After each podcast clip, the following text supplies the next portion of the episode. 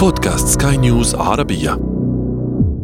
أهلا بكم إلى هذا أنا الذي يسلط الضوء على شخصيات تركت بصماتها عبر التاريخ. يأتيكم عبر منصة سكاي نيوز عربية على أبل، جوجل وسبوتيفاي معي أنا آمال شاب. هذا أنا هذا أنا هذا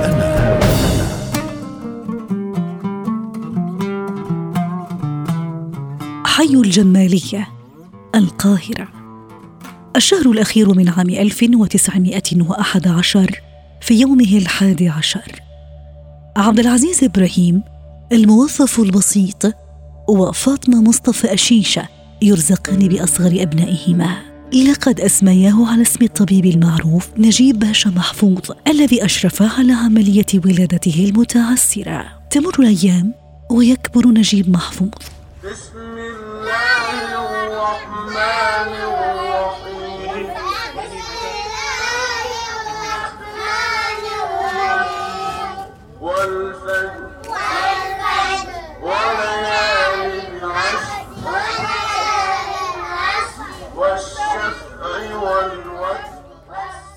في القاهرة يدرس نجيب محفوظ الطفل في الكتاب وهو ذات الطفل ابن الثامنة الذي سيشهد ثورة يونيو التي ستترك فيه الأثر الكبير. إنها تجربة الأولى التي أحيت فيه المشاعر الوطنية والقومية. يعترف نجيب محفوظ لاحقا. لقد استكمل تعليمه الابتدائي والثانوية قبل أن يتخرج في جامعة القاهرة من قسم الفلسفة. ويمضي في دراسة الماجستير لكن الكفة رجحت لصالح الأدب فقرر ترك دراسة الفلسفة.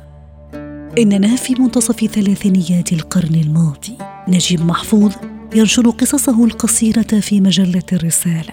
عام 1939 لقد نشر أولى رواياته عبث الأقدار التي قدم فيها مفهومه عن الواقعية التاريخية. ثم عقبها برواية رادوبيس ثم رواية كفاح طيبة وهي الثالثة بين رواياته التاريخية. في الأدب الرمزي عاوز طريقة للقراية. في رمز وشيء بيشير إليه. ف وانت بتقرأ الرمز اعتبره رمز مش المرموز. وإلا هتلخبط الاتنين يبقى راح العمل. بدأ نجيب محفوظ خطه الروائي الواقعي برواية القاهرة الجديدة ثم خان الخليلي وزقاق المدق. كتابات نجيب محفوظ وإن أخذت في مجملها الخط الروائي الواقعي إلا أنها تلونت ببعض الواقعية النفسية في رواية السراب مثلا ولم يخلو الأمر كذلك من الرمزية. وهو ما حملته رواية الشحاذ وأولاد حارتنا. هذه الأخيرة التي فتحت عليه باب الانتقاد واسعا بل وكانت السبب في التحريض على محاولة اغتياله في وقت لاحق. أنا شايف إن المسألة مسألة قراءة.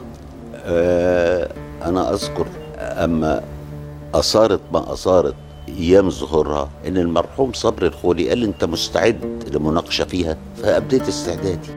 لقد تطاول على الذات الإلهية يقول منفذو العملية ومن يقفون وراءها. إننا في عام 1956 لقد فرغ من كتابة روايته بين القصرين التي عقبها برواية قصر الشوق عام 1957 ثم رواية السكرية في العام ذاته. إنها ثلاثية نجيب محفوظ التي عدها اتحاد الكتاب العرب أفضل رواية عربية في تاريخ الأدب العربي. الكرنك ملحمة الحرافيش حديث الصباح والمساء الفجر الكاذب وغيرها. هي بعض كتابات نجيب محفوظ التي تنوعت بين روايات ومجموعات قصصية تحول بعضها لأفلام ومسلسلات سينمائية وتلفزيونية. وهي الكتابات التي توقف عندها عميد الأدب العربي معجبا فيما توقع العقاد نيله جائزة نوبل. الثالث عشر من أكتوبر عام 1988 رن جرس الهاتف. واذا بالمتصل يزف له خبر حصوله على جائزة نوبل للآداب. لقد تحققت نبوءة العقاد. نجيب محفوظ. المأخوذ بالكتابة. يشغل مناصب إدارية وحكومية عدة. انتقل فيها بين وزارة الأوقاف ووزارة الثقافة وهيئات سينمائية وإعلامية. إننا في التاسع والعشرين من أغسطس عام 2006 نجيب محفوظ. يفارق الحياة. بعد مضاعفات صحية أنهت حياة امتدت لخمسة وتسعين عاماً. هذا أنا هذا أنا نهاية هذه الحلقة من هذا أنا.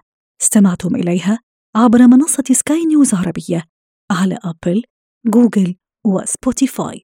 ولنا لقاء.